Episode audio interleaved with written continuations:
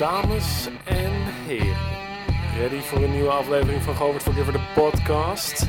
Jouw persoonlijke Olympische atleet als coach?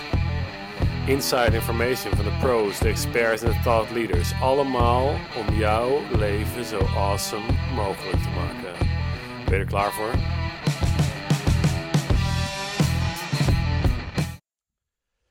Ja, en we zijn live bij weer een nieuwe aflevering van Govert Forgiver, de podcast. En hier aan tafel heb ik twee van mijn eh, favoriete roeiers uit Nederland. Eh, namelijk Olympisch medaillewinnaar Dirk Uitenboogaard en Europees zilvermedaillewinnaar Stef Broenink. Eh, Dirk overigens ook gouden Europese medaille. En we gaan het vandaag hebben over allerlei interessante zaken. Vooral over de benen van Stef en de techniek van Dirk. Eh, maar ook eh, hoe je omgaat met excentrieke coaches. ehm, hoe je jouw rol in een team kan vinden. eh, hoe je na jaren training ineens weer progressie kan boeken. Et cetera, et cetera. Ik wil jullie vooral vragen om tot het einde te blijven hier. want we krijgen een vragenrondje met Stef Broenik en Dirk Uitenboogaard. Die jullie alle vragen over nou ja, wat je maar wilt. Training, vrouwen, roeien, eh, de gebruikelijke zaken. Kan je ze vragen. Jongens, we gaan eh, de aflevering aftrappen. En eh, we zaten net al gezellig te lullen. Maar ehm, laten we gewoon, omdat we maar een uurtje hebben, gewoon get down to business. Nederland is ineens weer gewoon leading bij het eh skullen. En het herenskullen, moet ik dan zeggen. Herenskullers. Hoe kan dit ineens eh, van, eh, van de ene op de andere dag zo tot stand zijn gekomen? Jongens, wie wil daar eh, zijn licht over laten schijnen? Stef Ja. misschien, hè? Ja, nou, ik,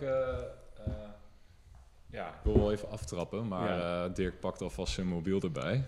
Ik heb namelijk alvast een, hij heeft een klein beetje voorbereiding gedaan. Oh, ja. En, eh, ik dacht dat Dirk zich niet voor had bereid op deze podcast. Nee, Ja, ja. maar de- deze, deze vraag, die, ik, had, ik zat bij mezelf van, ja, waarom, waarom is Nederland geen skulland? Ja. Ik dacht van, ja... Ja, ik zeg dat, is- wel zo, maar... Jij zegt dat wel zo, maar Ja.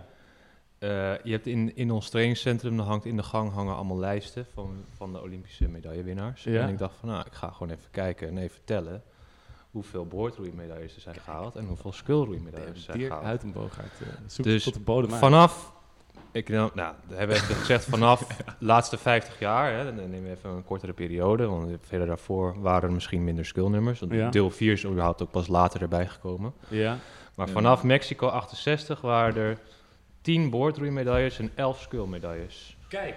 Ja.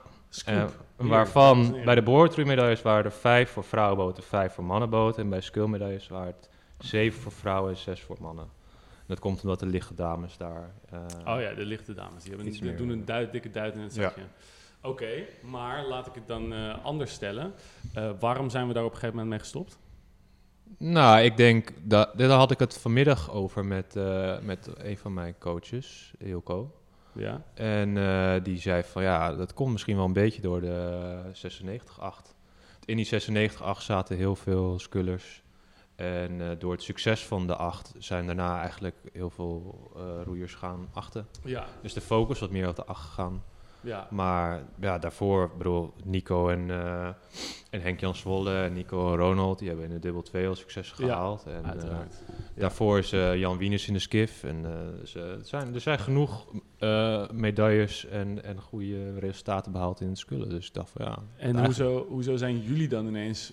Jij was dat in Rio, zat je nog in de acht. En hoezo ben je nu ineens eh, gaan skullen eigenlijk? Nou ja, het is niet ineens. Ik bedoel, eh, ik ben samen met jou begonnen bij de junioren natuurlijk. Oh, En leuk dat- dat je dat, eh daar dat je daar, daarover zijn begint. we, daar zijn we bij het skullen begonnen. Dus we zijn, je begint als kleine junior, begin je in de skif. Ja. En, eh, Ja, ja, en, ja. en we hebben samen in dubbel 4 en dubbel 2 geroeid. En, eh, en dat wordt je met de paplepel ingegoten. Ja, maar dat is in, En- in veel andere landen is dat ook nog steeds zo. En dan zie je dus dat het Ja. spullen stevast van hoger niveau is. Maar jullie zijn op een gegeven moment weer gaan boordroeien. Nou ja, kijk, ik, ik had geen andere keus. Want voor Rio heb, hebben we- ik heb 2013, 2014 heb ik nog in de skillboot gezeten. Ik heb Oh ja. in de dubbel 4 gezeten Ja. in 2013 in het WK en in, in 2014 in het dubbel 2. Ja. Alleen waren de resultaten er niet naar dat we die projecten niet door mochten zetten. Dus ja. het was wel zo dat we daarna van, eh, ja, eh, jongens, je- leuk dit, maar eh, dit gaat geen resultaat opleveren in Rio. Dus we moeten dit project moeten we stoppen. En, eh, en dan kom je op een berg te liggen van, ja, waar liggen je kansen? En natuurlijk wil je als roeier wil je zelf ook kijken van, nou ja, waar liggen je kansen op eremetaal, eh op de hoogste klassering in ieder geval. En dat was op dat moment in de acht, dus uiteindelijk ben ik dus in de acht toen, toen was het de 8, maar eh, hoezo dachten jullie nu ineens de dubbel 4? Nou ja, Ja. ja. Nou ja, ik denk dat na dat het Skull-project was stopgezet in 2013, 2014, Ja. toen... eh, Toen had jij er ben ook nog in ik gezeten. in 2000, Nee, ja, want toen zat ik nog bij boordroeien. En het jaar daarna ben ik... eh, of 2016 ben ik weer ben ik gaan skiffen. Ja. Dus ik was misschien weer de eerste die eh, na Roel weer eh, eh, ging skullen. Want Roel Ja. was daarvoor al, eh, moest ook stoppen met eh Ja. Ja, Ehm, en daarna is die Roel groep... Braas Nou, bedoel je dan? Roel Braas, ja, de precies, gro- Roel Braas, De ja. beer uit Brezand. Ja. ja. Na 2016 is er, eh, weer, was er weer ruimte, natuurlijk, een nieuwe Olympische cyclus voor, eh, voor het maken van een nieuwe groep. En eh, toen heb ik eigenlijk steeds meer soort van eh, mensen erbij gekregen. Tenminste, dat is hoe ik het... eh, Oh ja, dus, Ervoor, dus dus- Stef Broening is de op opzetter van de Skullgroep in Nederland en de grondlegger van het succes van Nederlands roeien. Nee, dat wil ik niet, absoluut niet zeggen. Ik bedoel, er kwam heel veel talent. Maar dat zeg je wel. dat zeg ik niet. er kwam heel veel talent uit de onder 23 groep. Abe en Amos, die al twee keer brons hadden gewonnen bij de Ja. SB WK, die kwamen erbij. Ja. En eh, eh, Koen, eh Koen Metsenmaker natuurlijk, die op een gegeven moment eh, boven kon drijven. Ja, dat dus, is ook zo, gewoon een bizar talent natuurlijk. dus zo werd die groep ineens heel erg gevuld. En eh, ontstond er volgens mij ruimte om een, om een dubbel vier te gaan, eh, Ja. te gaan maken. Ja, Ja, het en komt vooral ook door de visie van Ilko, denk ik. Want Ja. Ilko, Ja, dus- wa- Ilko was al betrokken bij 2014. Ilko En Meenhorst, Ilko de, Meenhorst, coach. Ja, die, Ja? die was al betrokken bij 2013, 2014. 2013 was hij nog meer met Roel betrokken. In 2014 werd hij ook van eh, dubbel 2 en dubbel 4 coach. En ja, eh, bedoel, hij is daarna wel doorgegaan met Roel coach, want hij was de coach van Roel. Die heeft hij in de twee zonder gecoacht met Mitchell. Ja. Ja. Steeman. En eh, daarna is er gewoon een soort van eh, visie ontstaan van ja, goh, Ja, hoe, en ga- die- hoe gaan we dit weer opstarten? En dan zijn En- ze met een groep begonnen en dan is uiteindelijk deze groep nu uitgekomen. Maar, Maar ik heb het idee dat die visie ook voor een heel groot deel komt door het trainingsschema wat daarbij hoort. En dat het gewoon de afgelopen jaren heel erg veranderd is. En dat daar nu ook ineens op een andere manier getraind wordt. Dat is, dat is iets wat, denk ik, dat best wel veel mensen zou, graag zouden willen horen. En dan weet ik, van jullie, weet ik, dat jullie nogal geheimzinnig doen over dit trainingsschema. Eh, en dat jullie bijvoorbeeld niet op social media mogen posten daarover. Ehm, nou, zijn we, eh, hoeveel kijkers hebben we ongeveer? Denken we dat, we dat we deze, deze mensen eh, hier kunnen trakteren op kleine insight in, deze, eh, in jullie trainingsschema? Ja, hoeveel, hoeveel kijkers We hebben, we hebben eh, ongeveer 30 kijkers op dit moment. Oké, nou, netjes. Nou, 30 mensen in Nederland. Kunnen we die trakteren op eh, hoe jullie eh, anders zijn gaan trainen? Nou, ik kan zelf wel een beetje vertellen hoe dat tot stand is gekomen. Dat is natuurlijk wel... eh, eh, ja, want ik, ik train al si- al sinds eh, 16 onder Ilko. Ehm, eh, en, en, dat- en dat was niet vanaf dag één of zo dat, dat die nieuwe visie er lag. Eh, Mhm. ja, hij heeft, hij heeft daar ook in moeten zoeken en Ja. eh, eh, moeten schipperen. En eh, uiteindelijk eh, Ja. eh, is, is, hebben we... Ja, eh, Ja, het is ook, van, het is ook wel de ene kant op gegaan en toen weer 180 graden de andere kant op, heb ik het idee. Ja, klopt. We hebben natuurlijk ook na de, na de Spelen in... eh, Ja, toen hebben we, hebben we ook die korte stuk, hebben we ook, eh, toen zat ik er ook nog bij en toen eh, hebben we bijvoorbeeld alleen maar korte sprintjes gedaan op een ergometer en de, de, de, de lean back eh, methode op de, op ja, de ergometer. Met heel veel krachttraining. Maar- Ja, en heel veel krachttraining. dat deed Ilko toen nog niet. Nee. Kijk, Ilko, heeft al, Ilko is gewend om vanuit een bedrijf te werken. Dus die, die, die, die is ge- ge- gewoon. Die, hij heeft zelf wel gegroeid, maar hij heeft niet, hij heeft niet lang gegroeid. En hij heeft verder niet ook hele hoge top gehaald. Ja, dus hij is Maar hij is, hij is meer vanuit zijn bedrijf, kijkt hij analytisch van oké, nou ja, wat, waar kan ik, waar kan ik eh, eh, winsten halen en waar, hoe, hoe kunnen we dit anders aanpakken? En hij was eh, al, hij was al met Roel was hij al aan het experimenteren van waar, waar liggen de, de grenzen. Eh, fysieke grenzen van, Ja. van Roel. Nou, dan Van je Roel natuurlijk die eigenlijk buitenproportioneel Ja, de, Ja. de freak. sterk is en niet, ja. niet vergelijkbaar met de doorsnee eh, Nee. roeier. Nee. En dat had hij eerst één op één gekopieerd op de, op, de, op de rest van de groep toen in 2014. Dat ging eigenlijk toen niet helemaal oké. Maar dat heeft hij aangepast en, en, en probeerde te spieken bij andere landen. Van ja, hoe, precies eh, toch? hoe, gewoon, eh, gewoon even hoe vragen, trainers zij en hoe... hey, man, hoe eh, ja, nou, Hey, kijk, je had natuurlijk leading... leading Heeft hij wat aan Jurgen eh, gevraagd, denk je? Nou, hij heeft het wel gevraagd, denk ik, maar ik denk niet dat hij antwoord heeft Jurgen. Greubler van de Engelse, Ja. by the way. Ja, hij heeft wel heel veel coaches en uh, Hij is benaderd. Ja, dat is zijn, dat is zijn strategie. en van, dronken eh, gevoerd, denk je? Of, eh, Dat denk ik niet. Dus, eh, het is voor mij verbazingwekkend hoeveel informatie je uit, eh, op zo'n toernooi uit atleten kan krijgen. Als je, Ja, als je, ja, ja, Als je ja, gewoon ja. even... als, als je gewoon een paar wodka erin gooit. ja, nou ja, Ja. Dat, dat hoeft niet per se. Maar soms zeggen ze ook dingen en dan denk je van... Ja, oké, dat kan nooit kloppen dat ze dat doen. Nee, ik heb ook het idee dat ze af en toe gewoon echt iets, eh, iets, Maar ja, dan... iets, iets doms eh, zeggen. Als vaak- als om je- jou zand in de ogen te gooien. Als vaak genoeg mensen dat zeggen, of meerdere mensen dat zeggen, dan denk je Ja, dan ga je op een gegeven moment patronen herkennen. Ja, en ik denk dat hij die patroon op een gegeven moment gezien heeft. En, ja, eh, en wat zijn die patronen geweest? Ja, dat eh, eh, voornamelijk wat, wat, wat langer en verder roeien. dan, we, dan we gewend zijn. Hmm, dat is nogal vaag, Stef. Eh, wat langer en verder roeien. Ja, eh, Ja, het gaat meer om dat je, dat, je, dat je de grens opzoekt van wat je fysiek kan. Kijk, Ja. als je, als je op, een, op een bepaalde manier traint, dan... dan de, de- kijk, ik heb natuurlijk wel eh, naar die podcast met, eh, van Boven het Maaiveld met Jeroen Otter geluisterd. natuurlijk. En die, eh, die had het ook over dat je, op, dat je grens moet verleggen. Dat je mensen in een andere situatie moet testen om, om, dus, om een nieuwe prikkel te geven. Dat je, Ja. een nieuwe, dat je vooruit kan blijven gaan. Ja. En hij had het bijvoorbeeld ook over dat je dus, dat, dat was een van de, van de mooiste uitspraken, dat hij dus met die, met die fiets terugging vanuit Sierra Nevada naar Nederland. ja. En dat je dan eerst zeg maar heel veel tegenstand krijgt van atleten van ja, het is Ja, ver nou? Dit is en, eh, belachelijk, dat kan en, nooit eh, goed dit zijn. kunnen we nooit, kan nooit goed zijn inderdaad. En dat je daarna op een gegeven moment ziet van nou, dan gaat de, gaat de knop ineens om en dan krijgen ze er lol in en dan, en dan doen, ze dat, doen ze het lachen. ja.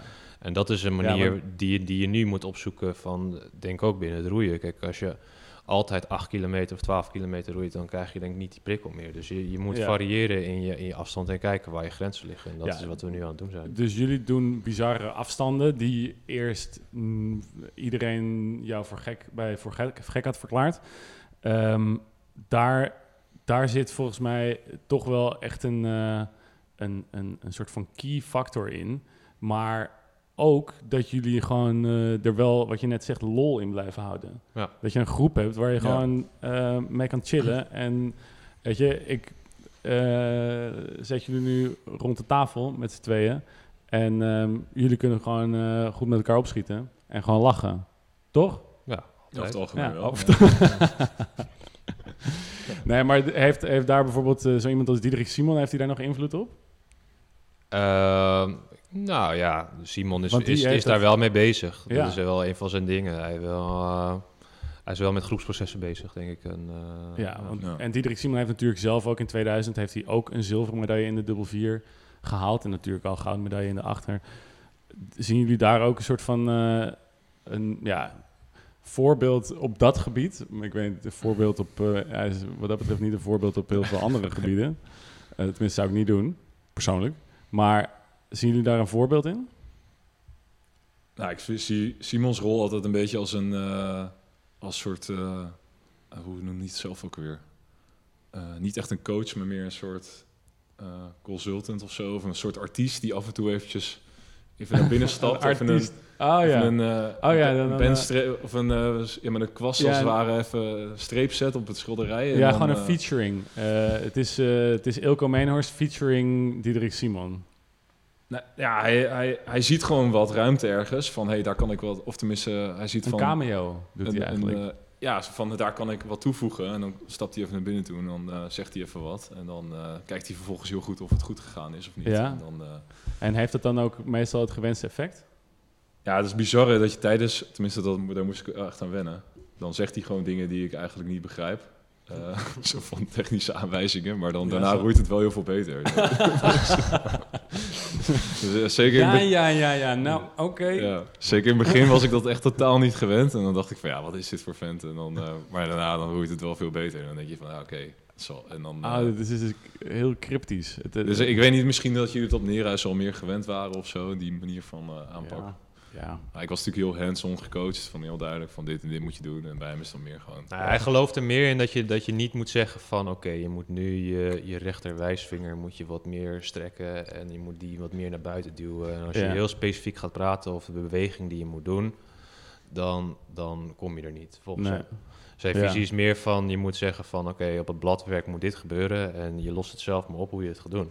Ja, oh, oké. oké. Dus hij coacht meer op van, oké, zoek, het, zoek het maar uit. Ik vertrouw erop dat jij als volwassen roeier zelf kan aanvoelen hij ge- wat de beste, wat de Nee, beste hij filmt is. heel veel, dus hij, hij, hij maakt gewoon heel veel video's dat je jezelf altijd kan terugzien. Nou ja, kijk, ja. Dat is heel belangrijk, denk ik. Nou, daar hebben we het ook eh, met, met en- Harold over gehad. Dat gewoon de rol van video gewoon, denk ik, nog gewoon onderschat is. Ja, zeker weten. Nou, hij gebruikt heel veel video's en dan, en dan laat hij het ons zien. En zegt van, ja, ja kijk... eh, en, dan, en dan zegt hij op, op het bladwerk van, nou, dit, dit zou net eh, iets moeten veranderen. En dan, en dan, kijk, ja, hoe je dat zelf op moet lossen, dat, dat, daar moet je zelf mee aan de slag. Je moet zelf gaan spelen, want uiteindelijk is, het- is het eigenlijk met leren van andere dingen ook zo... dat als iemand je vertelt wat je moet doen, dan leer je het niet. Pas als je zelf hebt ontdekt van, oké, Ah ja. dit, ja. dit, dit is hoe ik het moet doen, dan, dan heb je ineens zo'n... eh, ja, dat is ook heel... brain fart van eh, Ja. ja. dit is het en eh, dit- dan vergeet je het ook niet meer. Ja, inderdaad. Ja, dan vergeet je het inderdaad niet meer. Als je, het, als je het idee hebt dat je het zelf hebt uitgevonden. Dus hij geeft jou het idee dat je het zelf hebt, eh, hebt ontdekt. Ja, dat Nou, hij laat het, Ja. ja, hij laat jou meer zelf ontdekken. ontdekken. Ja, dat is wel vet. Dus hij stuurt dat een beetje. En, dan, eh, en als het goed gaat, dan laat hij ook met rust. En als het niet goed gaat, dan stuurt hij Ja. er een beetje bij. Dus hij is wel heel betrokken bij jullie. Ja, ja hij is op, op zijn manier. Ja, zijn manier. Nou ja, het is Wa- een beetje- wat, wat is, eh, vertel eens wat over, eh, over zijn, ja, wat, zijn wat- manier. dan. hij, is, een- hij is een beetje chaotisch. ja. een beetje chaotisch, Ja. Ja, ik, Het ik- komt er wel neer dat alleen je, maar, de, zeg maar de, de, de verhalen dat ik hem op het, op het vliegveld zie bij, bij de, bij de, bij de eh, Wizz Air of weet ik een of andere budget airline maatschappij en dat hij erachter komt dat hij maar 15 kilo handbagage mee mag nemen, maar dat hij zijn parachute mee had genomen Ja. en gewoon een volle tas van 30 kilo. En dat hij vervolgens bij de hele equipe shit in zijn tas moet gaan Ja. proppen. Maar, eh, en dat soort dingen. En dat hij bijvoorbeeld gaat, eh, gaat, gaat parachute springen tijdens een trainingskamp of iets dergelijks. Is hij, dat, is hij nog steeds zo ehm, ehm, excentriek? Nou, ik zal een voorbeeld geven. Bijvoorbeeld als hij dan gaat coachen, dan en je hoort van, oké, Simon is er morgen bij. En dan eh, gaan we allemaal met z'n op, op, op de Amstel skiffen met z'n allen achter elkaar. En dan zie je hem eigenlijk de hele training niet. En opeens na acht kilometer vlakbij Oudekerk, dan eh, staat er ineens een zwarte BMW. En dan staat Simon ineens eh, te filmen.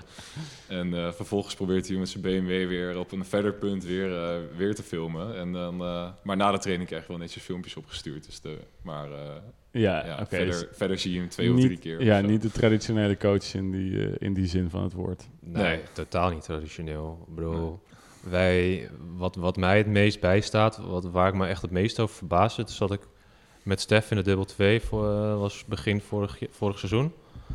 En, en zaten we in Belgrado en toen hadden we voorbespreking. En dan, ja, voor de voorwedstrijd. Ik denk, voor de voorwedstrijd is hij dan nog helemaal niet scherp. En in de finale is hij scherp, zeg maar. Dus het moet, hij moet ook in een toernooi groeien. dat, dat vind ik al, Ja. wel, ja, dat is al een beetje bijzonder. Maar wat, ik- wat ik gewoon wat heel grappig vond, eh, was dat wij dan een voorbespreking hadden en dat hij zei... Oké, eh, nou, jullie moeten morgen eh, 11 uur eh, tegen de Polen en de, en de Russen. En ze zeggen, eh, nee, zien wij starten morgen om half tien tegen Italië en Frankrijk. Eh, oh ja, oh ja, ja oké. Nee, dat, dat, ja, dat was de dubbel vier. eh, eh, ja, oké. Nou, eh, en jullie eh, hard starten en eh, nee, ja, ja een beetje zo van, ja. dat het echt heel, dat je eigenlijk zelf in die voorbespreking zit zo van, zijn wij nu aan het voorspreken met hem of ja, ja. aan het voorspreken met mij? En ehm, ja, dat, dat vind ik wel bijzonder, maar het maakt het ook wel leuk. Ja, ja, ja. ja, Ja, ik dat- had ja, zo'n soortgelijke ervaring ook op Ja. EK een beetje. Dat hij dan eh, dat hij ineens ook allemaal vragen gaat stellen van, eh, eh, van heb je altijd je, je, je doel zo of je bankje dit? Of, eh, en dan val bijna meer een soort van afleiding dan... eh, ja. Weet je het wel zeker? ja, Weet precies. Je dat wel, zou je dat nou wel doen? Ik startte met mijn hartslagband en horloge en dan is ze van, waarom doe je dat? en doe je dat vaker? helemaal- nee, En- dat vind ik natuurlijk helemaal niks. Maar eh, ja, dan ziet hij dat ook pas voor het eerst of zo, weet je wel. Dat ik dat dan daarvoor ook in de kwart Ja. en half had gedaan. Nee. Maar dat, dat EK, hè, dat was echt een super succesvol EK. Kwam dat voor jullie... eh, kwam, oh, dankjewel Dirk. Eh, goed, dat je me goed hier daar ook? even, goed dat je me daar even op, eh, op wijst. Eh, dat EK was eh, eh, super succesvol voor jullie eh, allebei. Eh, jij, Stef, eh, roeit een eh, race in één keer vooraan in de skiff. Eh, kwam dat als een verrassing voor jullie? Ja, natuurlijk. Ik bedoel, het is niet iets wat je van tevoren verwacht. Nee. Ook al, ook al ben je op een andere manier gaan trainen, ook al, weet je, ja. Als je reali- realistisch bent, ja, vorig jaar... Kijk, vorig jaar dat, dat hebben wij ook goed Ja. gegroeid. Hè? We, we hebben, het is niet dat, dat het totaal uit de lucht kon vallen, want we hebben vorig jaar... Het zat Stefan nog in de dubbel 4, maar toen hebben, en ik heb ook met Stefan dubbel 2 Ja, dat goed was, gegroeid. zeker, dat was zeker niet Maar toen hebben we ook niet op slecht, wereldbekers hebben resultaten geboekt. Dus het is niet dat dat eh, Nee. totaal... En weet je, als je vierde of vijfde wordt op de WK en EK, dan, ben- dan ben je ook lekker bezig. Maar, Ja. eh, Nee, maar wat ik, daar, wat ik daar zie in die race van, van jullie is dat er gewoon een dubbel vier ligt. En dat is voor het eerst dus volgens mij dat ook daadwerkelijk de beste roeiers van Nederland dus eh, in één boot zitten. En dat die ook de, allemaal eh, op zichzelf eh, wereldkwaliteit hebben. En dan zie je dus dat als je gewoon vier van die roeiers bij elkaar zet in één boot en dat ook tot een team smeet, eh, dat dan gewoon andere landen daar niet tegenop kunnen. Omdat zij, ja, je hoeft maar één iemand te missen die niet die wereldkwaliteit persoonlijk heeft. En dan, eh, dan haal je het gewoon niet. Dus jullie, jullie vegen daar dat hele veld aan. Ja. En eh, nou weet ik dat jij bijvoorbeeld ook een, een, een enorme sprong voorwaarts ook fysiek hebt gemaakt. Ja. Dat, eh, waar kan je dat dan... eh, kan je dat, zou, zou je- eh, wijd je dat alleen aan het trainingsschema? Nee, ik denk dat het ook... eh ik bedoel, ik heb ergens... Vroeger is mij altijd verteld dat je optimale leeftijd eh, meer richting de 30, 30 ligt als je, Ah. als je roeier bent. Ik, weet, ik bedoel, ik heb er eigenlijk zelf niet echt eh, onderzoek naar gedaan, maar volgens mij ben je fysiek op je Nou hoogtepunt als je, als je 8, 29 bent. Nou, ik ben nu 29, dus dat, Ja, qua kracht Eh, blijf je inderdaad nog... ja. nog eh, ga je wel Dus vanaf je 30 het is in principe niet gek dat ik nu nog eh, stappen maak, denk ik. Nee, ja. Nee, qua duur kan je nog heel, kan je nog heel ver doorgroeien. Ja. Zo, zo met duurvermogen kan je, zoals als je dan ehm, een, een, een, een oude gozer, die, die kan gewoon nog van een 18-jarige winnen. Omdat zijn duurvermogen, die neemt, laat zeggen, tot je 40ste toe. En vanaf daar gaat hij naar, gaat hij naar beneden. Maar die van een 18-jarige blijft hier eh, gewoon nog pas groeien. En dan kom je hem pas ongeveer tegen op je 65 dat je kruist. Dus je, je kan nog een 18-jarige qua duurvermogen, zou je nog op je 65 kunnen, kunnen Ja. verslaan. Met hardlopen. Met hardlopen. Ja. Dat, goed zo, goed dat je dat even... Jij kent het eh, onderzoek of... eh? ja, ja, ja. Oh ja. Dus eh, Ja.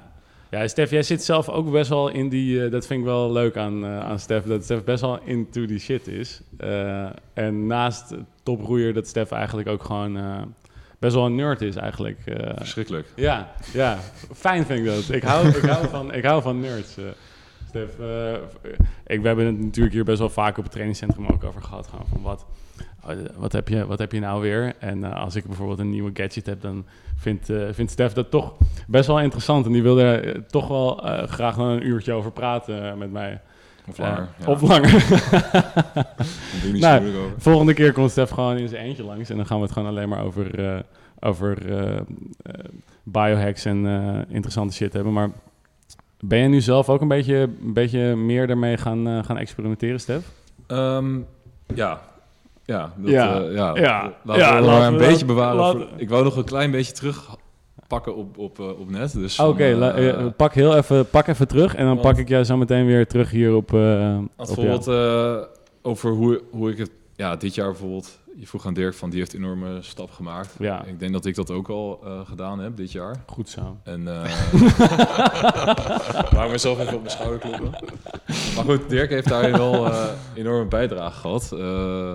Want ik heb vorig jaar met hem in de dubbel 2 geroeid. En eh, Ah. ja. maar wat me vooral opviel toen was zijn manier van trainen. En dan echt het... eh, we gingen toen zitten. We hadden een paar weken tot de wereldbeker. En we gingen toen elke training gewoon kijken van... eh, was bij Anno ook. Maar goed, we gingen elke training even zo opschrijven van oké, dit is een ED-training, dit is een harde training en dan weer een paar ED-trainingen. En Dirk zei toen van ja, oké, die ED-training dan moeten we gewoon langzaam varen.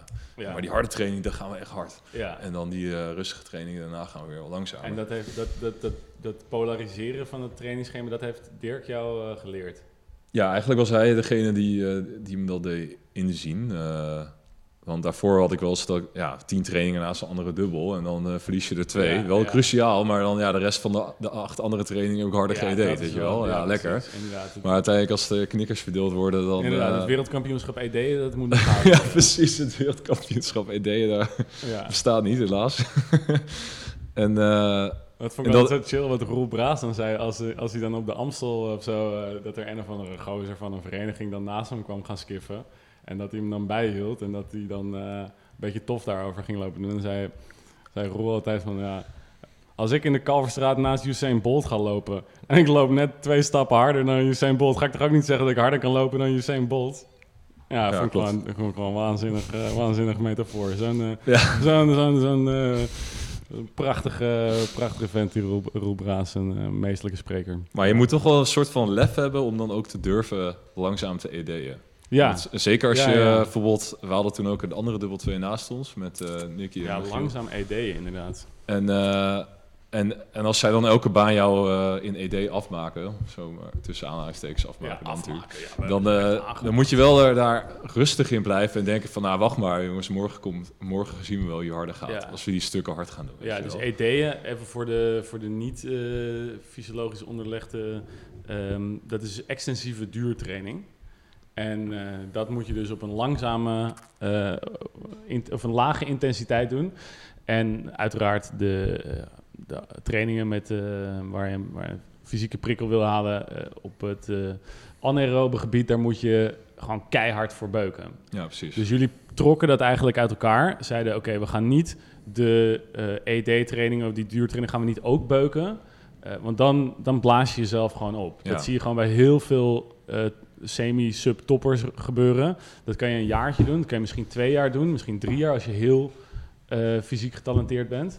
Maar Ja. langer dan dat ga je het gewoon niet volhouden. Dan brand je kaarsje aan twee kanten. Ja, precies. Ja, ik denk dat Dirk daar nog steeds beter is dan ik, maar... eh, Jij lijkt je nog wel eens op naaien, Stef. Ja, af en toe eh, wel, maar over het algemeen gaat het wel veel beter dan, dan een paar jaar geleden. Fluit Dirk jou ook wel eens even terug dan... mm, ah, we hebben het er wel eens over, Ah, maar valt wel mee. eh, volgens mij, eh, ja. we, weten, we weten het, eh, van, ik weet wat We hij weten- dan, eh, we ja, weten we weten van elkaar, dat idee. van En, elkaar. eh, maar goed, eh, zeker 2016 toen ik in de skiff kwam, 2017, daarna had ik het idee van, ah, ik moet vooraan liggen, weet je wel, elke, elke training weer. En eh, Ja. ja. dat heeft me niet... heeft me wel kortstondig denk ik succes opgeleverd. Maar op de ja. langere termijn was het niet goed voor en je roeien. Want je haal, eh, kijk, je roeihaal die je doet in ED, als je langzaam ED't, ja. die lijkt ook wel een beetje op de roeihaal die je doet in hard. Als je overpowered roeit in eh, tempo 18, dan, eh, dan, leer je zelf een haal aan die, die helemaal niet eh, werkt. Die helemaal Kijk, niet schaalt. Kijkers, luister nou goed naar deze wijze lessen. Damn, jongen. En het zijn zuurverdiende lessen. ja, het zijn zuurverdiende lessen. Dat is het mooiste. Dat je, je moet het allemaal uitvinden. En dat vind ik zo prachtig aan deze podcast. Dat we gewoon die pareltjes gewoon meteen weer terug kunnen geven aan, het, eh, aan de zwijnen. Nou, nu raak je Dirk wel hoor. Dit, eh, Ja, dat is Dirk. Dirk, Dirk die wil ook wel graag teruggeven aan de, aan de volgende generatie. Ja, Eh, ja, Dirk, als je af en toe nog iets wil teruggeven, gooi het er gewoon in. zeker. En, eh, zou ik doen. Gooi, gooi gewoon een, een, een, een, een, een Eigenheimer of een, eh, een Pappenheimer erin, bedoel ik. Nou ja, bedoel, ik, wat, ja, bedoel, ik zat gewoon te luisteren naar uh, Stef's verhaal. En, bedoel, Interessant verhaal. Nou ja, Ja. nou, zeker. Ja. Maar ik, denk- ik, kijk, voor, voor mij was het ook wat meer vanzelfsprekend om dat te doen.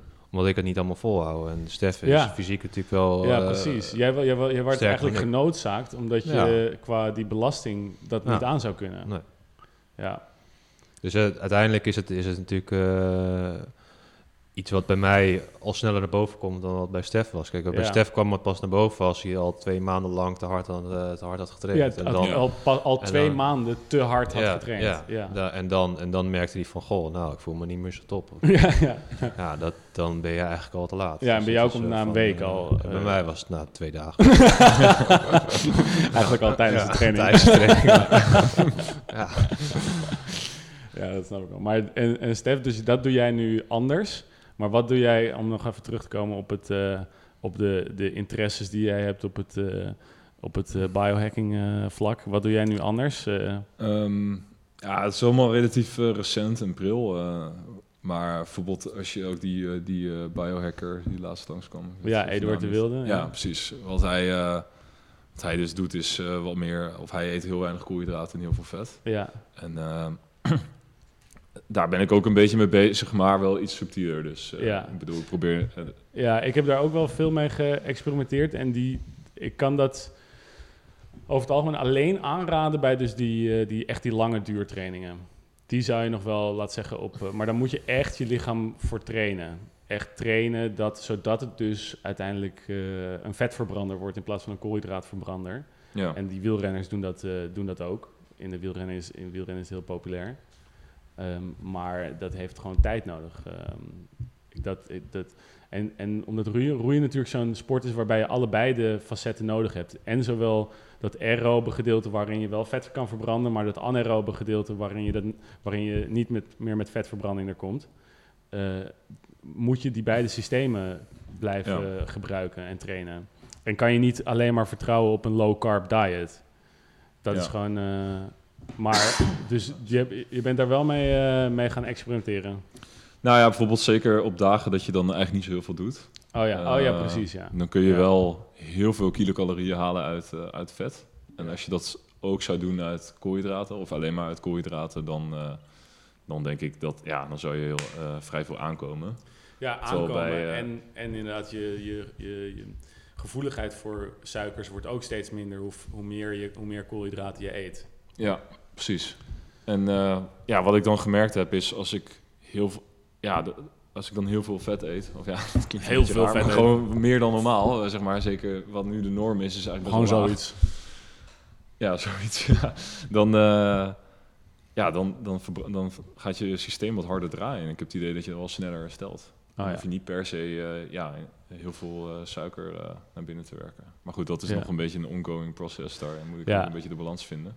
Ja, en, eh, en nou heb ik, eh, nou heb ik uit betrouwbare bronnen vernomen dat jij eh, jezelf s'nachts dicht tapet, eigenlijk. Kun je, daar wat, kun je ons daar iets over vertellen, Stef? ja, dat is een beetje sociaal, sociaal gekomen. Ik, Ik- je, had, je, je vriendin die tapet jou dicht? nee, dat, dat niet. Op trainingskamp dan eh, schijn ik wel vaak eh, te snurken. Maar Ja, mijn vriendin dat die kan heeft ik beamen. Dirk is wel expert ja. mij samen op de kamer liggen. En dus die... eh, Ja, ik zal vaak. niet, verder niet mijn bron eh prijsgeven, maar... eh, Nou ja, de... ik wou er dus wat, eh, wat kijken wat je daaraan kon doen. En een van de dingen is eh, ja, je mond dicht tapen. En eh, zodat je genoodzaakt wordt om je neus... Ja, dat klinkt natuurlijk wel een beetje extreem dit.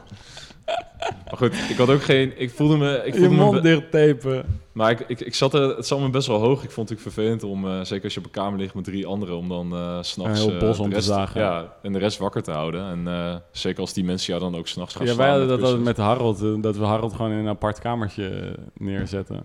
Ja, Maar dan Ja, gaan ze dat s'nachts gewoon met kussens naar je. ja, dat soort dingen. Dus, We hadden een paar keer dat Stef de volgende ochtend zat van... Ja, ik werd ineens midden in de nacht wakker. maar ik weet niet waarom. dat dan iemand zei, ja, je was echt hard aan het snurken. Toen eh, hadden we weer met de kussen keihard geramd. maar tegen de tijd dat hij wakker was, toen lagen wij natuurlijk alweer in ons bed. Dus Ja. dat was dan... Ja, maar oké, we lachen er nu best wel hard om. eh, maar ehm, het is een eh, recente ontwikkeling. Ook in het, eh laat zeggen, het eh, biohackersland is het vrij populair. En, eh, eh, je, maar jij tapet gewoon met, eh, met, met duct tape. Ik, ik wil graag dat jij eventjes je, de voordelen ervan ook. Want er zijn niet alleen voordelen op het gebied van niet snurken. Maar het doet ook iets met bijvoorbeeld eh, je stikstofhuishouding eh, eh, in, eh, in je bloed. ja, klopt. En ehm, eh, dus er zijn wel degelijk fysiologische eh, effecten die in werking treden op het moment dat jij er dus voor zorgt dat je niet meer door je mond kan ademen. Je weet wel dat bijvoorbeeld eh, in het Engels is mouthbreather is gewoon een scheldwoord. Ja, ja, we precies. kennen allemaal die persoon die allemaal die de hele tijd door zijn mond eh, aan het ademen is. Het ziet er, eh, het is, het is over het algemeen volgens mij überhaupt beter om door je neus te ademen. Ja, het is hoe, het, hoe ons lichaam bedoeld is om, eh, om te ademen. Dus je hebt eh, ook structuren in je neus zitten waardoor je nog weer effectiever zuurstof opneemt. Ja, gaat iedereen die luistert nu heel bewust eh, even luisteren, kijken of hij door zijn mond of zijn neus Ja, het is wel een vloek om daarmee bezig te zijn. Ja, Zeker in het begin. ja. Maar, ja, en je, ja, wat je zei, je bijholtes, die, dus de bijholtes van je neus en zo, die produceren stikstofoxide, dus NO. Mhm. En dat is een stofje waardoor je doorbloeding, eh, zeker op spierniveau, ook beter wordt. Dus Ja, je zuurstofoverdracht ja, ja. eh, op spierniveau. eh, ja, dus wordt, dat is ook waarom mensen bietensap nemen. Omdat dat stikstofoxide vergroot in het bloed en daardoor de vaten worden verwijt. En daardoor meer bloed doorheen kan. En dus ook meer afvalstoffen terug kun- eh, kunnen vanuit de, vanaf de spieren. Dat uiteindelijk de, eh, de verwerking van, eh, van afvalstoffen en de toevoer van zuurstof beter wordt. Ja, klopt. Ja. Ik kan nog wel een stuk dieper gaan hierop. Mensen vinden dat leuk. Mensen vinden dat leuk. Doe maar. Stef doe maar is Stef. biochemicus. Ja, Stef Ja, is biochemicus. ja, ja. hè? Dus Nou, het is... ehm, Wat ik ook interessant vond, was zijn theorie dan dat je dat we eigenlijk, als je door je mond ademt, dat je te snel ademhaalt. En zeker met name te snel uitademt. Omdat het eigenlijk een eh, ja, heel groot eh, eh, pad is, waar lucht, heel veel lucht in één keer doorheen kan. Ja, oh, dan ga je te snel ademen en dat je dus eigenlijk... Ge oh, pardon, ik, ik laat jou... Ja, Ja, het gekke is dan dat daardoor kan je CO2 eh, te veel dalen in je bloed. En dat klinkt positief. ja, Maar je hebt ook CO2 nodig om, eh, om, om de zuurstof in de hemoglobine te verdrijven. ja. Dus de zuurstof kan alleen een- losgelaten worden als er een bepaalde concentratie CO2 in het bloed is. ja dus, er moet een bepaalde balans zijn. Ja, en bijvoorbeeld hyperventileren is dat je gewoon nul zu- CO2 meer in je systeem hebt. En dan kan je bloed kan geen zuurstof meer afnemen. En Ja. dan ga je dus oud, niet omdat je te weinig zuurstof in je bloed hebt, maar omdat de zuurstof niet meer loslaat. Ja, Dus je hebt eigenlijk te weinig CO2 in je systeem. ja dus je, je, je, je supplementeert eigenlijk met CO2 door dus door je neus in te ademen. En daardoor kan je meer zuurstof opnemen Ja, op lokaal niveau. op ja. lokaal niveau. Kijk, eh, Dirk, eh, het is in- toch interessant, hè? Zeker. Zeker. Nee, eh, ik weet ook bijvoorbeeld dat er, er is, er is een superleuk trucje. En dat is precies zo'n lekker biohack dingetje. Wat iedereen vanavond thuis kan gaan proberen. Hoewel het niet verkoudheidsseizoen is. Maar op het moment dat je dus een verstopte neus hebt. En je doet een bepaalde ademhalingsoefening. Die wordt buteco breathing genoemd. En die is erop gebaseerd dat je eigenlijk maar 40% van je normale capaciteit inademt. Door je neus. En 40% eh uitademt. En dan krijg je dus eh, dat je eigenlijk met een soort van eh, zuurstoftekort gaat kampen. Maar na vier minuten ongeveer op die manier ademen, ver, ver- gaan die vaten gaan verwijden. En dat vindt ook plaatselijk dus plaats in je neus, waardoor dus de, de, de holtes vergroot weer normaal gaan worden. En daardoor dus jouw verstopte neus in, op magische wijze verholpen is Ja. voor een tijdje. Eh, voor, dus voor de mensen die een verstopte neus hebben, eh, de eh, Ik moet zeggen, er zijn nu eh, opeens tien mensen eh, zijn gestopt met kijken. Eh, Oké, oké. Dus we zullen, eh, we zullen stoppen met het, eh, met het biohacking nerd, eh oud nerden. Eh, we gaan weer gewoon over, eh, misschien moeten we het gewoon weer over roeien gaan hebben, jongens. Zijn er nog zelf eh, eh, zaken waar jullie het heel graag over hadden willen hebben tijdens deze podcast, Dirk?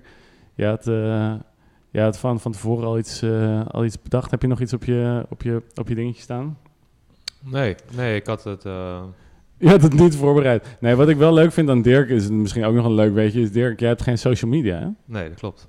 Gewoon helemaal niet meer. Je bent gewoon afwezig Nee, niet van het- meer, niet meer. Ik had het wel. Maar, Je had het wel. Ja, en ik heb nog wel WhatsApp. Weet ik, ik, ik, probeer nog iedere keer is, eh, D uit een boogaard eh, te... nee, DU Dirk, Dirk, Team NL. Ja, Dirk, Dirk, Team NL. Ja. Probeer ik nog steeds eh, te taggen, Te maar, taggen, ja. maar te vergeefs. Ja, nee, klopt. Maar waarom heb je dat niet meer, Dirk? Ehm, nou, omdat het afleidt.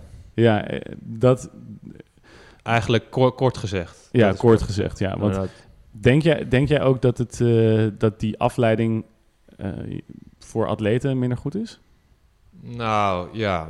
Ik, ik kan eigenlijk alleen voor mezelf praten. Maar ik, eh, ik merk gewoon bij mezelf dat als je alleen maar bezig bent met... eh, nou ja, op een gegeven moment... Het was, het was op een gegeven moment dat ik bij mezelf merkte van... Toen had ik eh, Snapchat. en Dus had ik in, in een van de Snapchat groep met allemaal mensen van eh, de revereniging. Ja, En ja, dat ik gewoon elke keer eh, voor het slapen ik moet gaan... zeggen, ik zit nog steeds in die Snapchat. Dat ik dan en voor het slapen wel de gaan- nodige, Ja. nodige afleiding uit voor het voort. slapen gaan moet je dan nog even, zeg maar, wel even alles bekijken. Want a- ook al als je het dan een tijdje niet bekeken hebt, dan mis je dan ook alweer dingen. En, Ja. en op een gegeven moment... Ik kan je vertellen, je mist niks. Nee, maar dat, dat is het dus ook. Je mist Ja. dus niks. Dus dat is, dan kom je eigenlijk al bij, het- bij de conclusie. Maar het is dan van... Ik heb er een boek over gelezen eh, waarin een beetje uitgelegd wordt van nou ja, hoe, hoe werkt het systeem en waar spelen bedrijven ook op in bij mensen, zodat je elke keer weer terugkomt. Ja, ze proberen je wel echt te naaien. ja, dat zijn met van, van dit soort dingetjes dat je, dat, je, dat je telkens een alert krijgt van er is iets. En je moet kijken, want het is super belangrijk, weet je wel. En, eh, mensen praten erover met elkaar, dus eh, je, ik, eh, ik denk ook mensen dat het, hebben lol, maar het is eigenlijk op, op het moment als je dan bedenkt van degene die op het feestje staat, die staat wel met zijn telefoon dan zo zeg maar van kijk mij hoe gezellig ik het heb en dan de andere mensen dan ja ik weet niet. Maar eh, beetje- Stef, wat denk je dat er met het menselijk lichaam gebeurt op het moment dat er dus de hele tijd van die alerts komen of dat, het, eh, op, dat je het idee hebt dat er dingen staan te gebeuren? Nou, ja, we hebben het hier, Dirk en ik hebben het hier onderling ook best wel veel over gehad. Ja. En eh, hij noemt het ook een soort internetsuikers of zo. Ja, internetsuikers. Dus het lijkt wel Oh, een beetje op interessant. de... Heb je dat zelf bedacht, die term? Dirk? Nee, Oh, jammer. nee. Ja, Een low internetsuiker, een internet sugar diet. Ja, het, is, het, is, het heeft hetzelfde effect als suiker in je lichaam, want het geeft een hele hoge piek en dan eh, Dopamine afgifte. ja. ja. En, maar dan is zeg maar vergelijkbaar met een insulinepiek. Dat, eh, Oh ja. En Dat is, dat is, dat dat is je daarna gemeten. weer je balans verstoort. Dus het, zeg maar, je, moet, je moet daarna wel weer. Ja. Ja, dus het ik, ik zou dit best wel interessant vinden om te kijken of, dit, eh, of ze dit kunnen onderzoeken bij atleten. Of je... eh, Nou, het is niet alleen bij atleten, want het is gewoon nee, bij, bij, überhaupt mensen. mensen die... het is, het is, het is, er zijn al best wel veel onderzoeken geweest over dat, dat de aandachtspan van, van, eh, de, van de mens nu, zeg maar, achteruit gaat. Ja, daarom hebben we nu ook bijna geen kijkers meer, Nee, volgens mij. precies. bedoel, Het gaat, het gaat heel even over, eh, over biohacking en dan haken mensen ze af. Dat is niet meer interessant. Ja.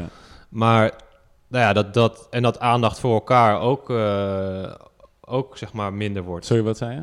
Ja, dat, dat vlak. Ja, maar het is nu, dat, dat, vond, dat, vond, dat sprak mij ook wel aan. Dus dat je zeg maar op een bepaald niveau, als je met elkaar samenwerkt, zeker op het topniveau, eh, dat vind ik heel belangrijk. Is dat je, dat je contact hebt met elkaar. Dat je wel weet van, nou ja, goed, weet je, dit speelt er, dat speelt er. En dat je ook van iemand kan, anders kan aflezen van, nou ja, hij zit er lekker in of hij zit er niet lekker in. Of dat je Ehm. voor, in, de voor, eh, in de voorbespreking voor de voorwedstrijd nog op je telefoon zit. eh, dat je weet of iemand niet aan het eh, Ja, snapchatten of Nee, schaken precies. of gewoon iets Ja, aan het... eh, nee, of een klopt. boek aan het lezen is. Ja, of eh, gewoon een boek aan het lezen, ja. Maar dat, nou ja, dat, dat, dat contact met mensen, dat, dat is belangrijker. En het blijkt uit studies, nou ja, bedoel, kijk, die, dat boek dat ik heb gelezen is een populair wetenschapboek, dus ik weet niet hoe erg die studies, zeg maar. Ja. Maar als je het in praktijk brengt en gewoon gaat observeren, want dat is eigenlijk wat ik nu doe. Ik ben gewoon veel aan het observeren van, ja, hoe, hoe werkt het? En eh, En dat- wat dat ze daarin zeggen van dat observaties ze hebben met kleine kinderen hebben ze getest van oké, ze doen een, een test dat ze dan eh, expressies moeten herkennen van gezichten. En dan, dan moesten ze voor dat ze op schoolkamp gingen, moesten ze dat doen. En dan moesten ze tijdens het schoolkamp, mochten ze een hele week, mochten ze geen computers, mochten ze geen eh, telefoons en weet ik veel wat. En dan Ja.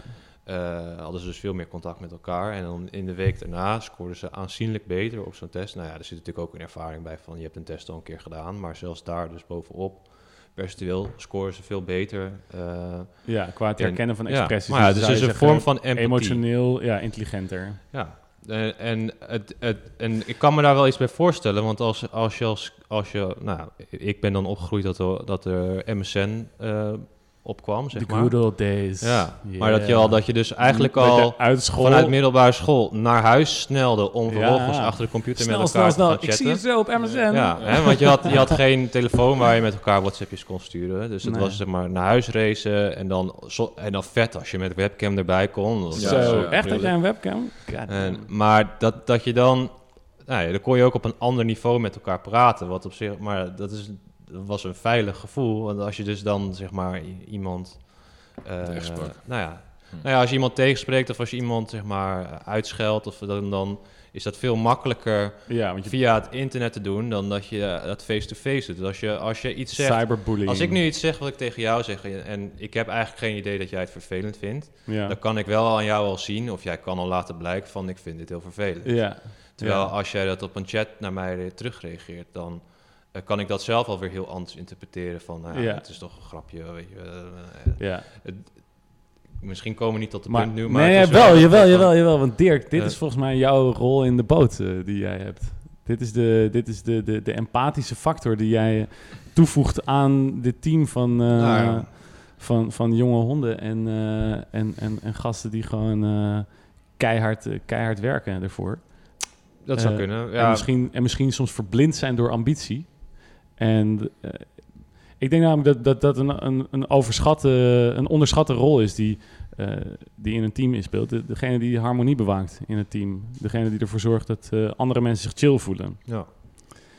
En, ehm, maar zie je, denk je niet dat daar een soort correlatie zit? Nou ja, kijk, ik, ik ben er zelf natuurlijk mee bezig. Dus ik, ik, ik, en ik vind het ook wel leuk om er mee bezig te zijn. Maar ik vind, maar ik vind het zelf ook heel belangrijk. Dus dat, dat, dat dus iets wat ik zelf doe. Maar of het nou expliciet mijn rol is, Ja. dat, dat kan ik niet Nou ja, zeggen. dat kijk- kunnen andere mensen beter over ja, mij kan- zeggen. laat ik zo maar als ik dan zeggen. zeg wat Stef, De- wat ja, Stef- ja. Stef, die kan- wat kan jij erover zeggen? Nou, ik, ik kan eh, de link nog wel leggen van eh, toen eh, we samen in dubbel 2 zaten en eh periode daarna, toen had je, eh, was je dat boek aan lezen en eh, daar had je het best wel veel over. Ehm, en toen, toen ben ik daarna ook, of tenminste ja, een beetje samen, zijn we gaan kijken van oké, hoe kunnen we bij wedstrijden bijvoorbeeld eh, wat beter in de flow komen. Dat, dat je Mhm. bijvoorbeeld je mentale toestand wat meer gaat sturen richting wedstrijd. Ja, En een van voor wat voor mij echt super belangrijk was, merkte ik toen, was het compleet uitzetten van, eh, van social media. Of tenminste niet meer je mobiel meenemen. En een paar uur voor een wedstrijd, eigenlijk bijvoorbeeld als je, je wordt wakker en je kijkt nog één keer op je mobiel en dat was je laatste moment. ja, En dan tot aan de wedstrijd aan toe, gewoon alleen maar bezig zijn met die wedstrijd. eh, af en toe een beetje eh, ja, erover praten of eh, ja. rondje lopen, eventueel zelfs een beetje mediteren. En dat is ook iets wat Dirk bij mij geïntroduceerd heeft. Lekker Dirk. Zeggen. Goed gedaan. En, ehm, en dan merkte ik dat ik veel rustiger was bij een wedstrijd. Want het beeld wat Dirk naar mij toe schetste was van... ja, jij loopt op zo'n wedstrijd zo de hele tijd links-rechts rond te kijken. Ja, En je bent totaal niet gefocust met waar je mee bezig moet zijn. En dan is het op een gegeven moment, oh ja, die wedstrijd. En dan eh, raak je in paniek. ja, Terwijl daarna, toen ik dat beter ging doen, eh, mezelf wat meer afschermde van al die prikkels, ja. dan kon ik veel makkelijker taken en doelgericht Ja. eh, werken. Ja, ja want dat, die, dat zijn allemaal lijntjes die de hele tijd die aan je trekken. En dat houdt je af van inderdaad van, eh, van, van de ene enige lijn die je moet hebben is wat je hier nu moet doen. Ja, precies. En ehm, ja, ik, ik, ook- kan dat, ehm, ik kan dat ook alleen maar beamen inderdaad. Ja, dat, dat is dat ook werkt. een goede link naar topsport, bro. Want als je uiteindelijk, je hebt het zelf ook ervaren, bro, als je op een gegeven moment de stap maakt naar de Olympische Spelen toe, dan krijg je ineens berichten van mensen die Ja. je echt, nou ja, Ja, echt die jaren ja, ja. niet gesproken hebt. En Oh, die je dan ineens succes... En het is echt... Weet je, het is nee, maar, nee, maar het is, het is eh, super, super vriendelijk, weet je dat ze, dat ze, dat, ze aan je denken en dat ze een bericht sturen. En eh, dat is heel leuk.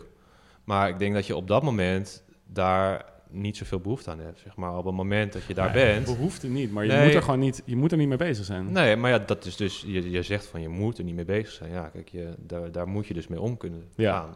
Ja, Van de, en daar moet je op een bepaalde manier een weg zien te vinden. En daar kan, je- daar kan je wel in trainen, al in mindere belangrijke situaties. Ja. ja. Ik, denk, ik denk bijvoorbeeld dat er wel dat, er, dat het heel goed zou zijn voor, voor iedereen, maar gewoon voor zeker voor mensen die serieus met een doel bezig zijn om telefoonvrije of zones of tijdslots te maken op een dag.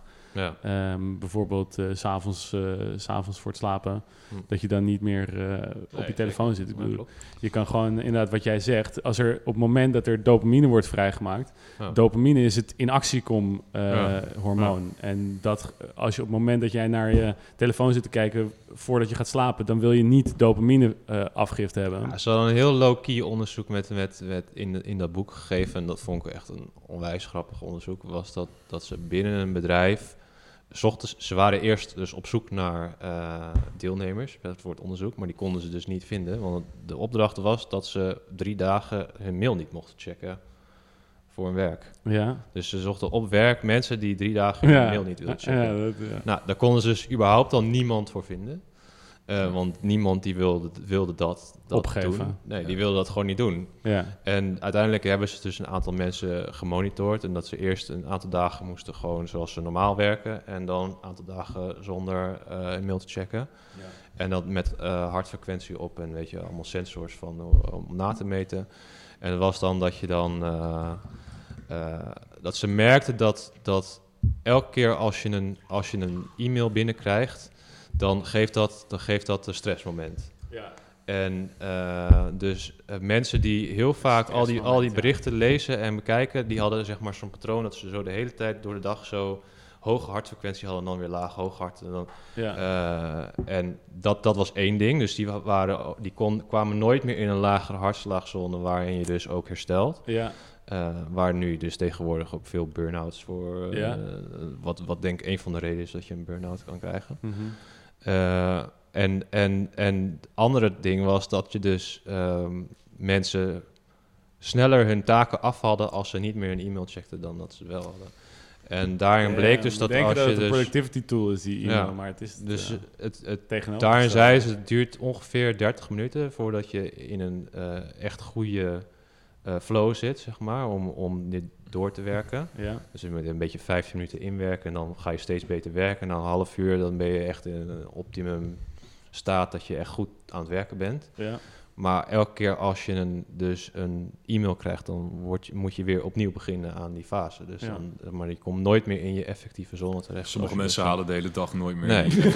nee, maar dat is oprecht. De meeste Ja. mensen die ik Dat ken is dus oprecht. überhaupt, die hebben de zon niet eens. Want je, Ja. gaat, je, gaat, je gaat structureren van, ja, ik ben hiermee bezig en dit maak ik nu af. En dan ga ik daarmee bezig en dat is de volgende taak. En als je daar allemaal taken tussendoor krijgt, dan heb je het overzicht ook niet meer. Ja, Dus damn jongens. Ja, ik eh, vind het weer eh, waanzinnig eh, vol, met, eh, vol met nuggets voor de mensen, wat de mensen thuis echt iets aan hebben. Kennis die jullie overdragen aan de volgende generatie. Ik richt even mijn hoofd tot, ehm, tot, onze, tot de man achter de knoppen. Ehm, we, kunnen, wat we kunnen vragen binnenkrijgen, dat mag. Ehm, hebben jullie al vragen in je hoofd voor Stef en Dirk? Eh, laat ze gewoon doorkomen. Ik hoor het, ehm, ik eh, krijg ze van eh Pelle door. Wij gaan gewoon lekker rustig een beetje verder keuvelen. Ehm Pelle, heb je al een, eh, heb je al een leuke vraag eh, doorgekregen of gaan we nog even, gaan we gewoon nog even verder? We gaan gewoon even verder. Jongens, ik wil ehm, van jullie eh, graag horen van... We zijn bezig met, eh, met nu een project. We zijn het project ingegaan. Het eh, Nederlandse... het, Nederlands, het skullen naar een hoger niveau. eh, nee, Dirk, neem net lekker nog een nootje, tuurlijk. niemand sta- eet daar van staan die ze- daar staan ze ervoor. wel, eh, ja, neem, neem lekker een nootje.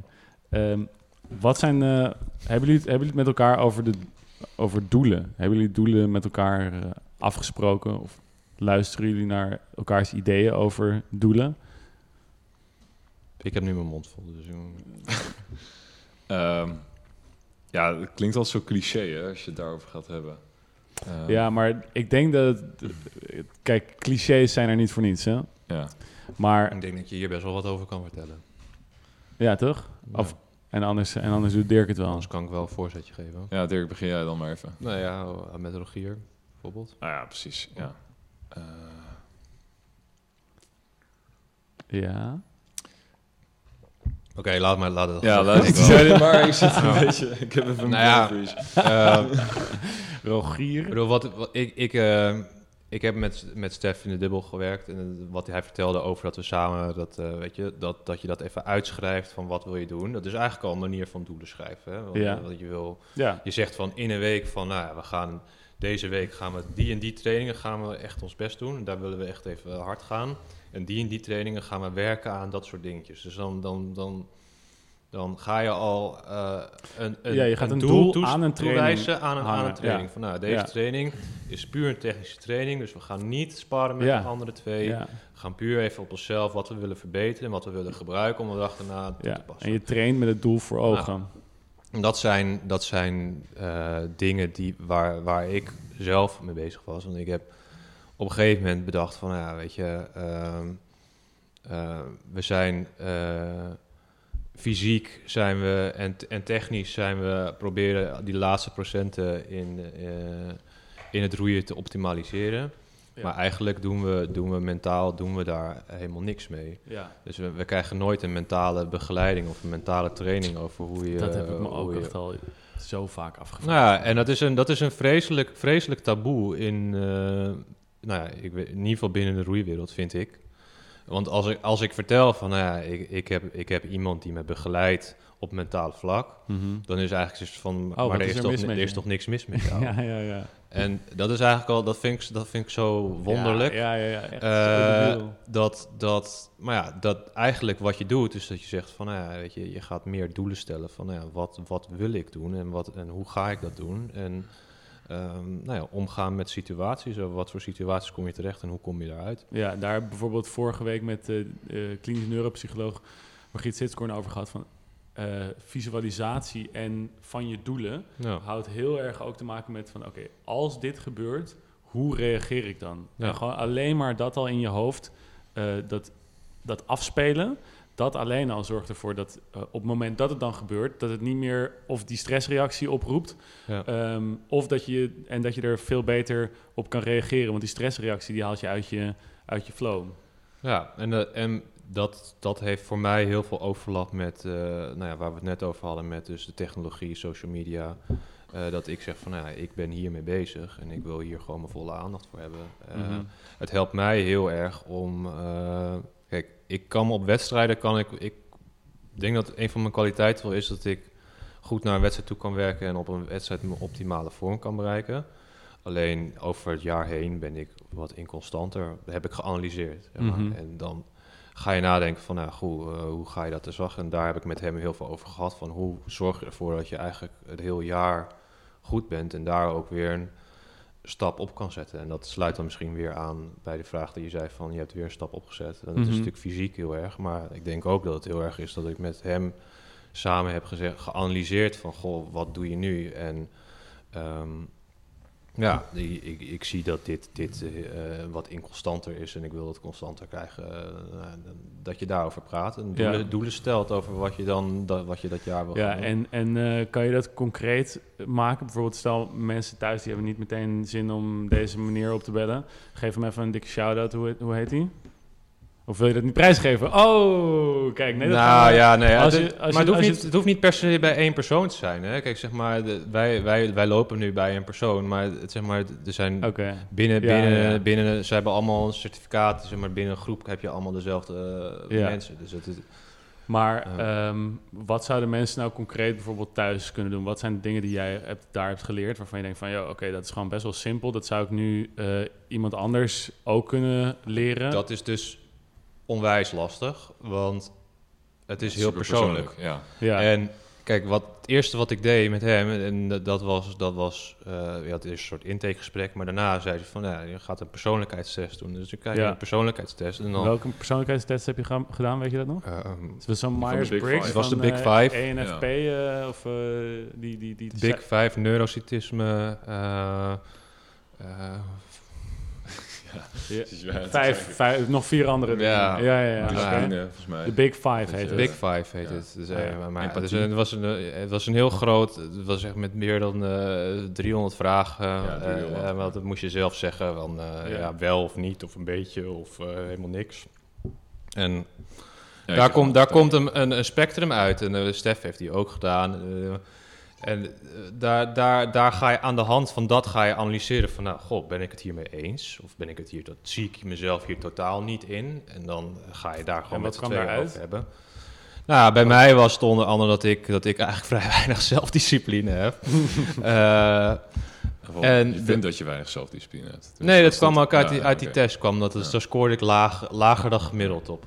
Ja. Eh, wat ik op zich best wel vreemd vond, eh, aangezien Omdat ik je een, een topsporter bent, Maar discipline. uiteindelijk kan ik me er wel in vinden dat, zeg maar, als ik kijk naar mijn studiewerk en, naar mijn, en hoe ik mijn middelbare school ben doorgelopen, dan is het wel zo van, ja, Ja. oké, eh, dat komt later wel. En dat ik dan op het laatste moment een mega hoge eh, stresspiek had. Zo Ja. van, oké, ik moet dit nog even fixen. En dat ik dan... eh, Nee, het, het lukte me dan wel, om het, om het, eh, maar dan was ik wel eh, Dan je- kapot. ja, ja, ja. En als ik die twee dingen naast elkaar wilde doen, dat ging dan ook niet. Dus zeg maar, ik Ja. kon niet roeien eh, in mijn tentamenweek, want Nee. dat was echt... dat had je dan al verpest eigenlijk. moest ik een weekje daarna nog wel van bijkomen. Ja, ja, ja, ja. Ja, Maar dat, dat, dat analyseerde bij mij van, goh, als je, als je zoiets wil doen, dan moet je dat dus meer gestructureerd gaan Ja. uitbreiden en echt een schema maken van je gaat dat en dat doen en dan weet je daar echt aan houden. Ja, ja precies. Nou ja, we, eh, eh, we gaan misschien zo meteen nog eh, even over die test van Stef hebben, want we willen ook graag het zwakke punt van Stef eh, graag horen. Ja, Maar we krijgen een eh, vraag binnen van eh, een kijker. Jazeker. Ehm een vraag aan Dirk. Ehm, wat is het mooiste aan skullen in vergelijking met boordroeien? Ah, nou, mooie vraag. Eh, ja, ik denk dat het ook eh, op zich persoonlijk is. Eh, maar voor mij is het zoiets van... Ik had niet, ik had niet het gevoel dat ik klaar was met skullen, weet je wel. Eh, ik ben begonnen met, met als, als junior in, in Skif en uiteindelijk daarin in doorgegroeid. En toen we in 2014 moesten stoppen met dat project... Toen, toen had ik zoiets van, ja, het is eigenlijk wel jammer dat dat nu niet gelukt is. En ik heb daarna natuurlijk mooie resultaat gehad in het boordroeien. Maar eh, Ja. voor mij was dit nu zo van, eh, ik, moet dit, ik moet nu nog even kijken of we dit nog kunnen, kunnen herstellen. Ja, het was een open einde. ja, een open einde. En ik, ja, ik, ik vind eh boordroeien vind ik ook hartstikke mooi. Ik, eh, in de twee zonden hartstikke mooi geroeid, in de acht. eh, ja. Ja. Volgende vraag. Ja, dat is eh, misschien eh, kan Stef die wel beantwoorden. Is eh, verzuring bij een ED-training, is dat erg?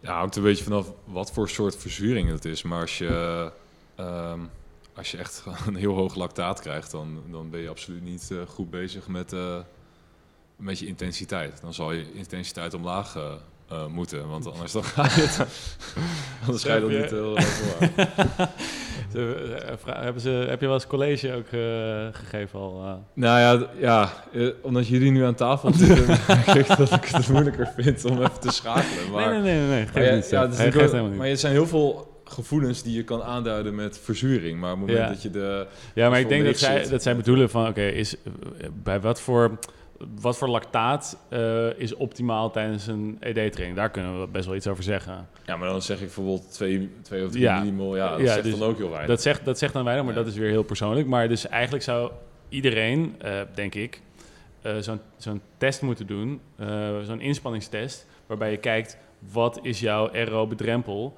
en wat is jouw anaerobe drempel. En dan op da- basis daarvan je trainingszones maken. Dat doen jullie ook.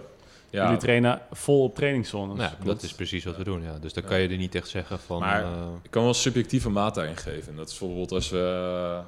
wat, als je dat goed doet, dan, dan, dan zou je bijvoorbeeld na 24 kilometer roeien aankomen en denken van, nou prima, Ja, dit, de training is klaar. ja. Het is niet dat je op je tandvlees binnenkomt en dat je niet meer eh, op je bankje kan zitten en dat je denkt van, eh, shit, hoe ga ik Ja. dit ooit volhouden? ja, je hoort, ik weet, ik ben even de naam kwijt van die, eh, van die, van die bewegingswetenschapper of inspanningsfysioloog, maar de, gewoon de, de praattest. Als jij nog gewoon lekker kan praten tijdens een, tijdens een duurtraining, dat is gewoon een hele realistische drempel voor iedereen, waarop die nog in zijn aerobe drempel zit. Ja. klopt. En je hebt daar best wel even, zeker in het begin, best wel even lef voor nodig om dat echt te gaan doen. Want in het begin ga je heel langzaam. Ja, Maar als je dit een tijdje doet, dan, ga je, dan gaat dat ook oprekken. En dan ga je ook weer steeds harder. ja, En dan kun jij nog wel praten, terwijl Ja. de vent die naast je roeit, die kan dat niet meer. ja, ja, dat, is ja, dan, ja. dat is natuurlijk best wel Ja, grappig. precies. Ja, dat is wel mooi, eh, mooi dat we die hebben afgerond nu, maar ook met een, eh, met een goede, goede, goede meenemer voor thuis. Dus de praatgrens. Volgende vraag. Ja, deze, ik weet niet of deze eh, voor jullie, of jullie deze mogen beantwoorden. Wat voor krachttraining doen jullie en hoe vaak? Dat mogen we wel beantwoorden. Ja. Eh, Ja, je hebt een periode, dus je, hebt, eh, je, je werkt in blokken. Nee, eh, ik weet niet of dat behandeld is in eerdere podcasts, maar als je Nee. krachttraining doet, dan interfereert dat met je duurtraining. En als je veel duurtraining doet, interfereert het met je krachttraining. Ja, Dus je kan nooit kan je, kan je die twee trainingen eh, naast elkaar doen op volle kracht. ja, Dus je werkt, in, je werkt dan, eh, de- we hebben een inspanningsfysioloog en die periodiseert aan het begin van het jaar van nou we- wat voor blokken je in terecht komt. Dus kom je in een krachtblok en dan kom je in een roeiblok en dan kom je weer in een krachtblok. Dus tijdens een krachtblok trainen wij drie keer in de week krachttraining. En die krachttraining duurt dan anderhalf uur. Ja, als je het goed uitvoert, Ja. anderhalf uur. Eh, en daar zitten eh, squats in, deadlifts. eh, ja, wat eigenlijk, voor herhalingen range? Meestal ik denk eh, rond de acht. eh, nee, nee, nee, dat is trouwens niet waar. tussen de vier en de acht. Je gaat meer naar maxkracht. Ja, dat, Ja. daar kan Ja, jij je natuurlijk het meest over vertellen. Want Ja. eh, je hebt hypertrofie en je hebt maxkracht. Ja. Eh, maar wij zitten voornamelijk in maxkracht range nu. ja, dus veel gewicht, laag herhalingen. En dan eh, tijdens een duurblok. Ja, wordt het, eh, het aantal sets gaat dan omlaag en eh, de, de intensiteit ook. En het aantal herhalingen bij sommige oefeningen ja, is vol drie herhalingen. En Ja. dan, eh, En dan gewoon minder sets, dus het volume gaat dan omlaag. ja. en dan Ja. duurt een krachttraining nog ongeveer drie kwartier of zo. Ja, precies, oké. En dan doe je er twee of drie in de week. En dan, eh, Ja. en dan zou dat als het goed is niet heel veel moeten stoppen met je, met je dure trainingen. Nog een mooie meenemer voor de kijkers thuis. Hebben we nog een laatste vraag? Ja, nog een, eh, nog een vraag aan Stef. Eh, je had het, eh, in het begin had je het over eh, nou, dat, je, dat je vet eet en drinkt ook eh, misschien zelfs wel. Waar, waar moet je dan aan denken? Wat, wat, wat eet je zo? Patatje joppie bij de Febo. Nou, ik eet nu bijvoorbeeld eh, elke ochtend eh havermoutpap. En daar, eh, daar heb ik steeds meer roomboter eh, ben ik daarin gaan doen Lekker, bijvoorbeeld. Dus, Oh, lekker. en eitje en kloppen. Ja, ik drink van die Jersey volle melk, 6%. Ja, En, eh, Jersey, dat is van een, dus een bepaalde koe is dat? Ja, heeft ook een beter verteerbaar caseïne-eiwit. Maar goed, Precies. Nee, dat, is, dat vinden mensen interessant. Ja. Dus dat is... Dat is eh, Vinden mensen dat interessant of vind Ja. jij dat interessant? Ja. ehm, ik ben ook een mens. En dan, eh, ja, avocado's, eh, olijfolie kun je eigenlijk overal overheen gooien. En met je avondeten, ik bedoel, sowieso eten wordt ook echt veel lekkerder als je er gewoon wat meer... eh, Vet in gooit. meer boter. wat- Ja, wie had dat ooit gedacht? Ja, het lijkt wel alsof ons lichaam weet dat goed is. Heb je wel eens nagedacht over MCT-olie? MCT, die bulletproof eh, koffie. eh, Daar, daar heb ik zeker over nagedacht. ja, dat is dus Dat wat is ze... een Wat ze Stokpaardje van Goof. Ja, nee, precies. nou op, man, nou op. Nee. Nee, ja. Jongens, we hebben, nog, eh, we hebben nog één laatste vraag, eh, volgens mij. Maar we moeten het ook nog over persoonlijkheid van Stef hebben. Ja, nou, dat kennen we inmiddels wel, hoor. Ja. Ja, die mogen ik mensen, had mogen een leuke, mensen ik zelf had een leuke quote van Stef. Stef is de erotische versie van mij. Wat mooi, wat mooi, eh, wat mooi, mooi compliment voor eh, Stef. Daar kwam je zelf mee. Ja. De laatste vraag is eh, van ene Nicky van Sprang. Ik Oh ja. het, eh, Die ja? kennen we niet. Nee. In Kennen het, in het Nederlands wel? Ja, wel, wel in het Nederlands. Kennen jullie nog iemand die met Abe wil fietsen? Oh, dat zijn jullie... Dat wordt Ja, even een trainingsdate inside gemaakt. joke. Insider Inside jokes. joke. Ja, laten we dan... Ja, het- eh, nee, dat, dat gaat vooral omdat we, we, we hebben het net over, we moeten rustig trainen. En, Oh ja, en en niemand Abe wil- is ja. iemand die niet zo eh, rustig ook- kan eh, fietsen. Ik, ik, ik fiets nooit Dus- Abe, ik fiets nooit meer met Abe. Dat is één ding Nee. wat zeker is. Godsamme. Dat, ja, nu wil, dat was de grap vanmiddag Ja. niemand meer met avond. Nee, niemand wil meer met Abe fietsen. hij, heeft het, hij heeft het uitgespeeld op deze manier dat niemand meer met hem wil fietsen. En Ja, daar is hij ja. eigenlijk zelf ook best Goed. verdrietig over. Ja, precies. Nou, je hebt het volgens mij helemaal zelf gedaan. Je hoort het. Ik denk dat we hiermee aan het einde zijn gekomen van een, eh, weer een waanzinnige aflevering van eh, deze podcast. Eh, ik wil jullie op het hart drukken. Op het hart drukken. Alsjeblieft, hit die like button. Ding, ding, ding, ding, ding. En laat even een review achter op, op Apple Podcast, de app. Want daarmee doe je mij en heel Roei Nederland eigenlijk een groot plezier. En eh, laat me weten wat je van deze aflevering vond. Je kan ook nog gewoon vragen stellen onder deze, eh, in de comments onder YouTube. En ik wil jullie graag weer terugzien bij de volgende aflevering. En ik bedank Stef en Dirk voor een hele chille uitz- uitzending. Ik hoop dat jullie het ook leuk hebben gevonden, jongens. Absoluut. Zeker. Oké, tot de volgende keer. Adios.